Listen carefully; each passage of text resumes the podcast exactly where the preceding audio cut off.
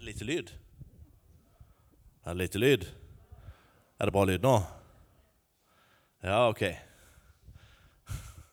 Det er bra dere sier fra. Jeg får rope igjen hvis, eh, hvis denne her synker ned i. Det, det kan jo hende, selvfølgelig. Dere, når, eh, når ett lem lider, så, så lider alle med, står det i, eh, i Bibelen. Og, og eh, vi, vi kjenner det på en spesiell måte denne uka her. Heldigvis så er det sånn at det vi har å løfte fram som et budskap i dag, det er et budskap som gjelder i alle livets omstendigheter og tider. Og det er at du er invitert til Jesus. Vi er i en taleserie som heter 'Invitert'. Forrige søndag så eh, snakka vår eh, pastor Rune om det å være en inviterende menighet. At vi drømmer om at Salem skal være et sted med dørene åpne, der vi tar godt imot folk som, som kommer, og der vi ønsker å vokse med, med nye mennesker. I dag skal vi snu vinklinga innover mot deg og mot meg. Og så skal jeg få lov til å si til deg at eh, Jesus har invitert deg. Jesus sin dør står åpen for deg. Du kan invitere andre til fellesskap med han fordi du er invitert til han først. Og Vi skal lese en av invitasjonene som Jesus gir. og Det er fra Matteus 11, vers 28-30. og Det blir hovedtekst i dag. Og Der kom denne her, eh, lille saken min på, på veggen også. Eh, hva, er det som, eh, hva er det som står på veggen nå? Jeg kan ikke se det helt. Ja, vi er, på, vi er der vi skal være, faktisk. Takk, Roger. I Matteus 11, 28-30 så sier Jesus, Kom til meg, alle dere som strever og bærer tunge byrder, og jeg vil gi dere hvile. Ta mitt åk på dere, og lær av meg. For jeg er mild og ydmyk av hjerte, og dere skal finne hvile for sjelene deres. For mitt åk er gagnlig, og min byrde er lett. Dette er et av de stedene i Bibelen der Jesus kom med en konkret invitasjon til seg sjøl. Kom til meg. Hvem skulle komme? Alle dere som strever og bærer tunge byrder. Eh, hvem er inkludert i den invitasjonen der? Jeg tror alle. Så vi skal dra ut fem ting som, som Jesus inviterer oss til i denne lille passasjen her. Og se litt nærmere på. Nummer én Du er invitert til å Jeg må skru på denne saken. Du er invitert til å eh, komme med det du bærer på. Du er eh, invitert til å komme med byrdene dine, det som er tungt å bære. Og på en dag som denne så vil jeg si du er invitert til å komme til Jesus med sorgen din. Eh, det er min erfaring også at det er en invitasjon som står åpen ifra Han. Mitt eget, helt personlige, første skjellsettende møte med Gud kom midt i en sorg. Jeg var 16 år gammel da jeg fikk eh, telefon om at eh, pappa har fått hjerteinfarkt. Jeg rakk fram og var sammen med han. Jeg var ganske nylig kommet til bevissthet om eh, bestemmelsen om å følge Jesus og hadde begynt å smake på livet med han. Og jeg ba om helbredelse, men det skjedde ikke. Um, hva skjer da? Det kunne blitt en troskrise, selvfølgelig. For min del ble det i stedet for et trosfundament. Fordi erfaringa ble at han møtte meg. Han bar meg. Den freden den fylden, det nærværet som han omslutta meg med, gjorde at jeg aldri etterpå har vært i tvil om hans omsorg for meg. Og dette er min historie, og andre har sine erfaringer. Og det har ikke vært erfart på lik måte for alle. Det har jeg full respekt for. Men jeg står her som et vitne på at eh, Jesus er mektig til å komme deg i møte midt i sorg.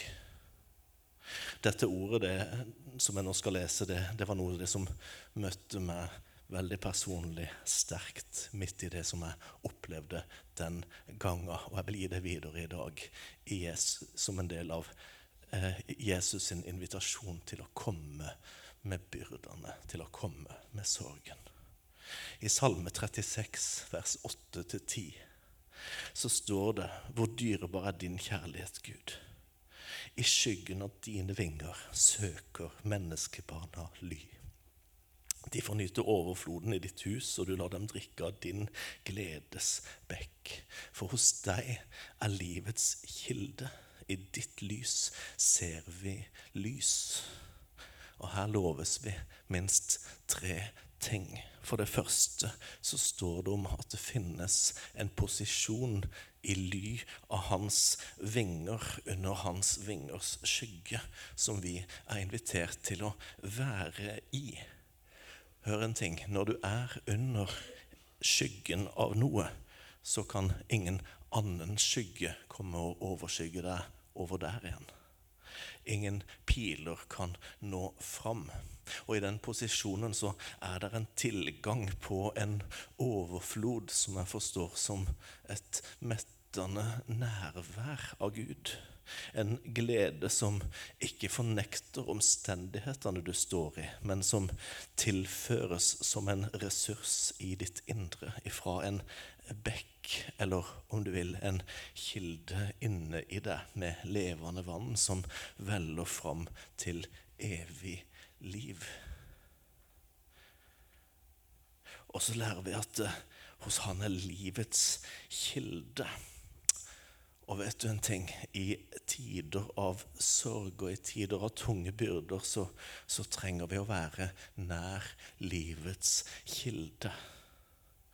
Hvis du er midt i en ørken som består av gloheit sand, og et sted midt på så er det en brønn med godt, kaldt vann du kan øse opp av, så er det der hvor brønnen er, at du ønsker å oppholde deg. Da finner du ikke en krok under en sanddyne lengst mulig unna den. Fordi selv om du ikke kan nødvendigvis forklare teoretisk hva dette stoffet vi kaller H2O, er for noe, så er det sånn at eh, når du er der hvor dette er å finne, som er populært kalt vann, så er du ved et sted der du tilføres liv. Og i tider av tunge byrder så kan det være mye vi ikke forstår, men vi kan være likevel ved et sted der vi tilføres liv, ved livets kilde, inntil Jesus. Der er du invitert. Og så står det at i ditt lys ser vi lys. I tider av, av, tunge byrder så leter vi etter belysning over forklaringer på den byrdefulle situasjonen. Men vi trenger ikke å leite etter mening i omstendighetene. For det er ikke der lyset er å finne. I stedet for så kan vi la lyset fra hans nærvær komme oss i møte. For det gir lys til å se framtid og håp til tross for meningsløse omstendigheter.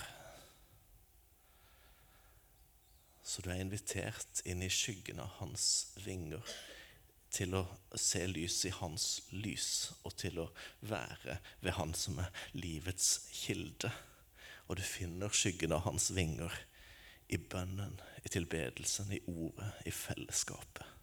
Og det er en posisjon som du kan vende tilbake til midt i krevende omstendigheter. Igjen og igjen. Du er invitert til hans nærvær. Og nummer to Du er invitert ikke bare til å komme med byrdene dine, men eh, du er invitert til å komme med strevet ditt. med det som er mye å prestere. Du som strever, står det på norsk. Det er det greske ordet 'du som kopiao'. Du som arbeider deg utmatta, du som er så hardtarbeidende at det holder på å vippe over ende. Du som bare kjenner at det er så mye alt sammen. Livet er overveldende. Du er invitert til å komme med det strevet der og legge det ned innenfor Jesus. Han inviterer deg med det strevet der. Det som er så mye at det straks er for mye. Han inviterer deg til å legge fra deg uavhengigheten som driver oss som mennesker fra naturens side, der vi er opptatt av at jeg må være min egen forsørger, jeg må sikre meg selv. Han inviterer deg til å legge ned stoltheten som gjør at du må bevise for omverdenen hva du kan oppnå. Og han inviterer deg til å legge ned egeninnsatsen eh, som vi har så lett for å drives av for å vinne respekt som god nok i andres øyne, kanskje, men kanskje like ofte i egne øyne. Jesus sitt alternativ til livet i det strevet som kan bli for mye, det er 'Jeg vil gi dere hvile'. Jeg vil gi dere på gresk anapavo, som innebærer jeg vil gi dere en pause, men jeg vil gi dere hvile, og jeg vil gi dere oppfriskende fornyelse. Så alternativet til eh, strev som drivkraft i livet er å være eh, Å ta imot hans invitasjon til å være nær han og la han få komme med oppfriskende fornyelse. Han kan erstatte strev med oppfriskende fornyelse. I hans nærvær så fins det bekreftelse på hans kjærlighet og på hans forsørgervilje. På at du er verdifull bare i kraft av den du er skapt som, og at du har din verdighet først og fremst i det at du er hans barn. Så kom til han med strevet ditt. Det er bedre med hvile. For det tredje du er invitert til å komme og bytte ut hans, ditt åk med hans åk. Han sa 'jeg vil gi dere hvile', og så sier han 'ta mitt åk på dere'. Du er invitert til å bytte åk. Er det sånn at man kan ha et liv uten åk? Hva er et åk? Et åk er et landbruksredskap eh, som var kjent for de menneskene Jesus snakka til. Det var kjent for å brukes når okser skal trekke plogen. Og det var også kjent når mennesker skulle bære tungt. Da kunne man ha et sånn enmanns åk, en eh, stav å legge over her, sånn at du fordeler vekta likt på begge skuldrene og henger noe på hver ende. Så det er et kjent redskap Jesus snakker om her. Og et åk, det visste alle som hørte på Jesus når han sa dette, at det har jo to virkninger på en gang. Helt konkret så handler det om vektfordeling og overstyring. Eh, vektfordeling det er sånn at eh, når du har eh, noe som gjør at det deles jevnt på begge skuldre, så kan du bære mer enn om du bærer det hele i én hånd eller bare i begge hender. For det, vekta blir bedre fordelt. Og har du to okser som skal trekke og fester et, et åk til dem, så er det en fin måte å sørge for at eh, det til sammen blir nok kraft til at det hele kan bli trukket. Eh, så det forstår vi. Og så har det jo også en overstyrende funksjon. fordi når du er ikledd dette arbeidsredskapet, et åk, så kan du ikke bevege deg fritt ifra det som er hekta på det åket, sånn som du ville kunne uten det. Og hvis det er sånn at det ikke er et alternativ eh, å få til et liv uten en eller annen form for åk, for det arbeidsredskapet henger ved uansett hvem man velger å følge og hva man velger å gjøre i livet, så er det jo om å gjøre at man velger den rette typen åk når vi skal gå igjennom livet. Eh, det følger en slags tvang, om du vil, med å ha på seg et åk, for du kan ikke la være å bære den byrden som åket har på seg. Derfor så ser vi i Det gamle testamentet at begrepet åk det, det, det brukes eh, på en negativ måte flere steder. Det snakkes om faraos åk og Nebukadnesers åk som et bilde på den brutale undertrykkelsen som israelsfolket var utsatt for, eh, først i Egypt og så senere i Babylon. Um, på den andre sida så, så snakka rabbinerne, eh, som eh, eh lær, lærerne i jødedommen, positivt om et begrep som de kaller for lovens åk. De snakker om Guds lov som et positivt åk, som noe eh, godt vi kan ta på oss fordi det finnes en kjærkommen lett lettelse, om du vil, i livsbyrdene som eh, kommer av et liv der du innretter deg etter eh, Guds lov, de ti bud.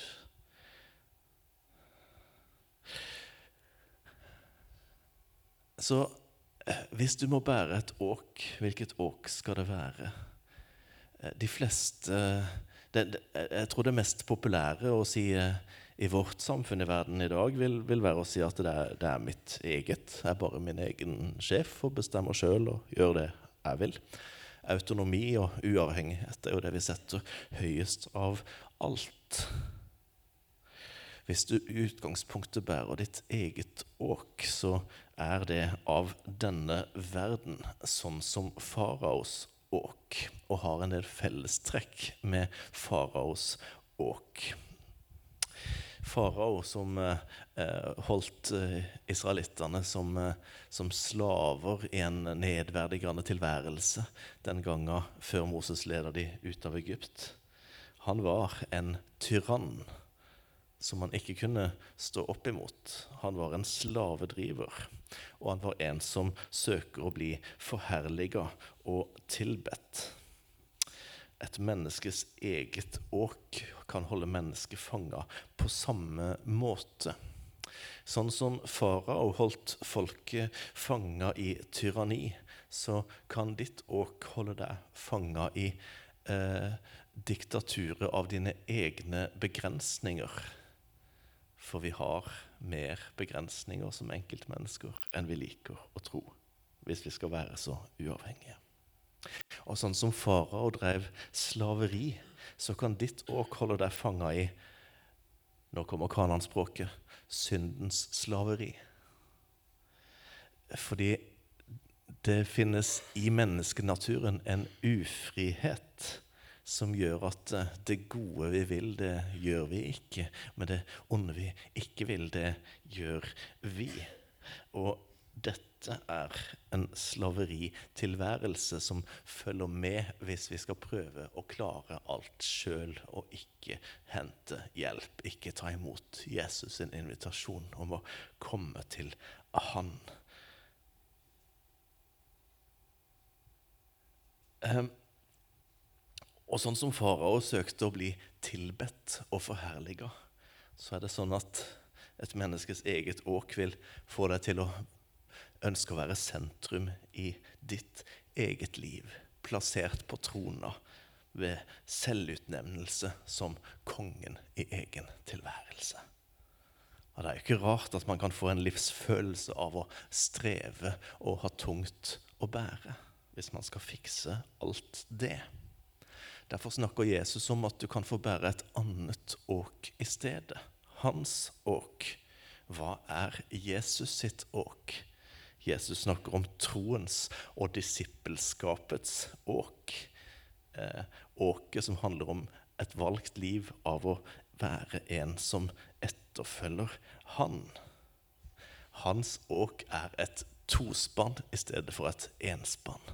Han legger ikke på deg noe du skal måtte bære alene på dine to skuldre for å se om du greier vekta. Nei, han drar i tospann med deg. Du drar i åk med han. Hvis du er den ene oksen, er han den andre.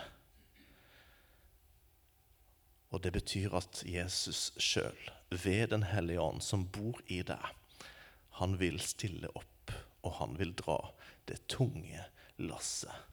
Det kan se ut som det er jevnt fordelt, men det er en av partene som egentlig har motoren.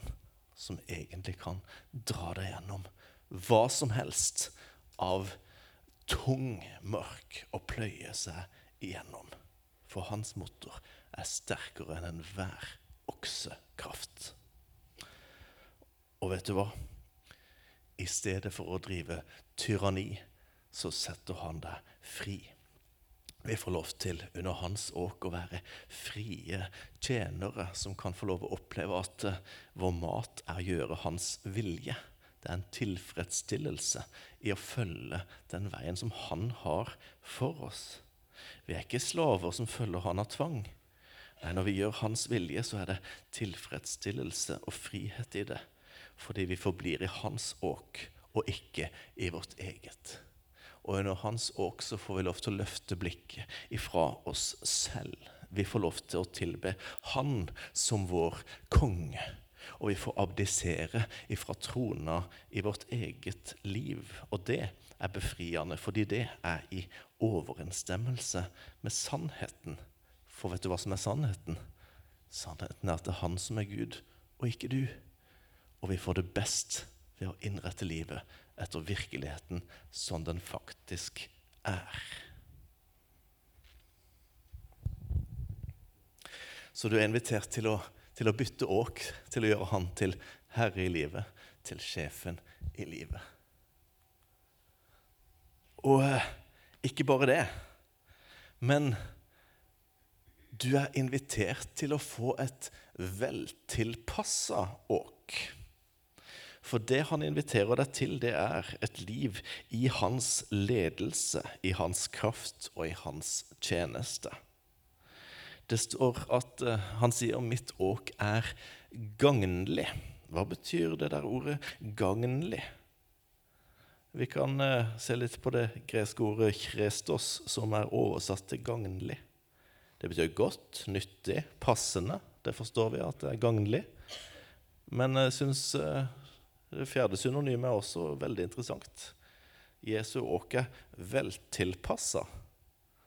Det er som å gå med veltilpassa utstyr som matcher deg personlig, det livet han kaller deg inni. Eh, det betyr at Jesus går foran deg og legger til rette for den vandringa du skal ha med Han. Efeserane 2, vers 8-10 sier at eh, vi er Hans verk. Når du har latt deg invitere til Han, så blir du skapt i Kristus Jesus. Du blir en ny skapning for et nytt liv på innsida. Og da blir du skapt til gode gjerninger som Gud selv på forhånd har gjort ferdige for deg.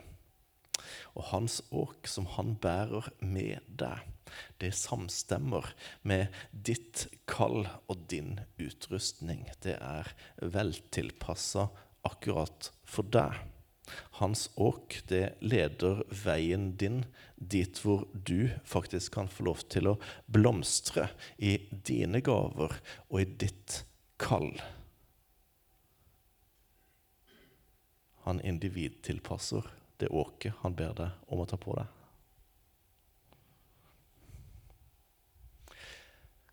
For det femte du er invitert ikke bare til å gi han byrdene dine her og nå, strevet ditt her og nå.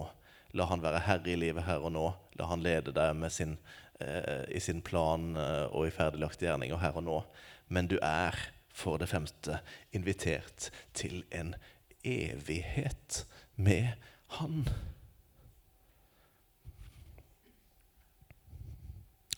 konteksten i dette kapittelet eh, der hvor Jesus kommer med denne invitasjonen. Kom til meg, alle dere som strever og bærer tunge byrder, og jeg vil gi dere hvile.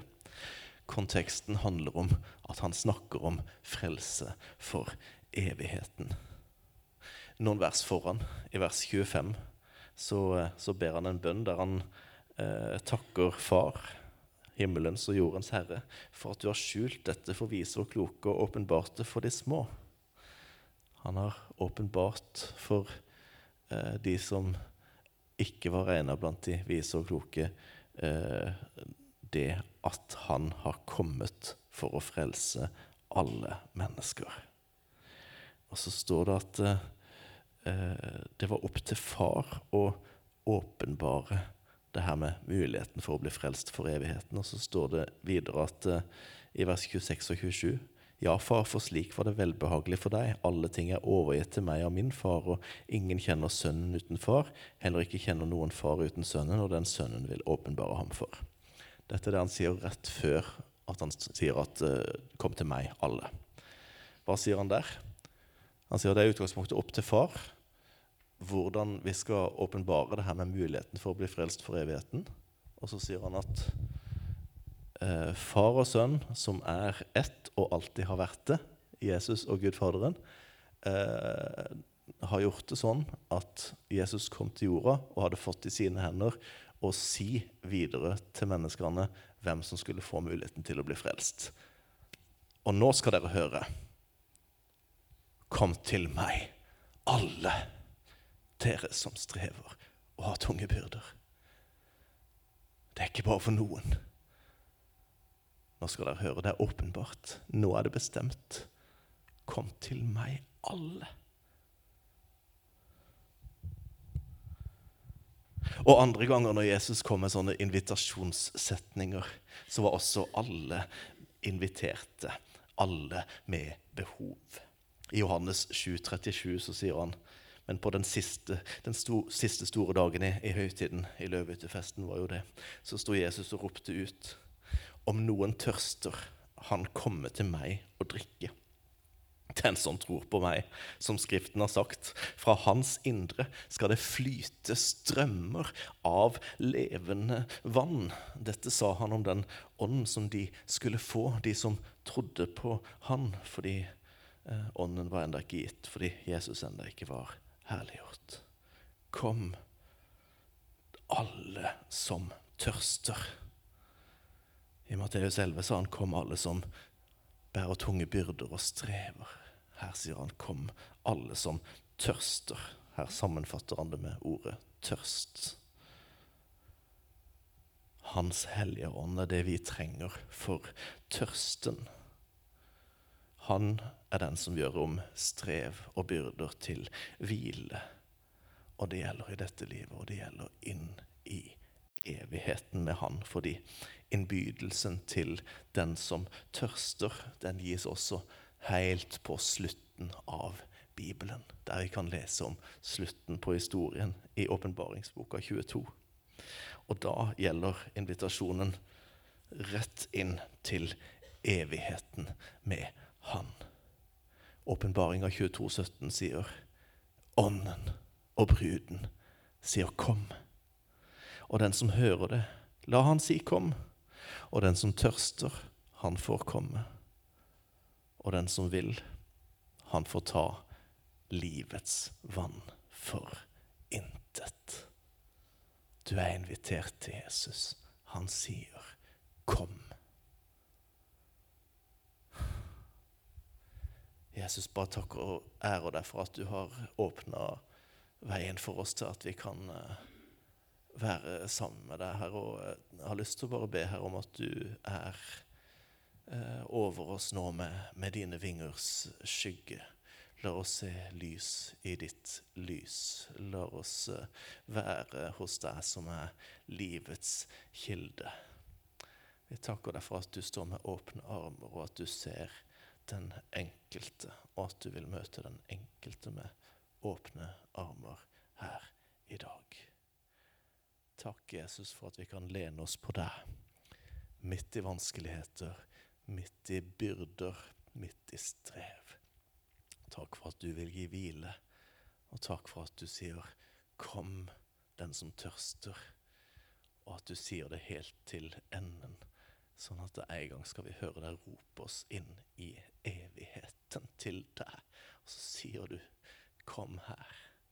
Du får livets vann for intet. Det takker vi deg og ærer deg for, Herre. Takk for at vi får løfte blikket til deg sammen. I Jesu navn.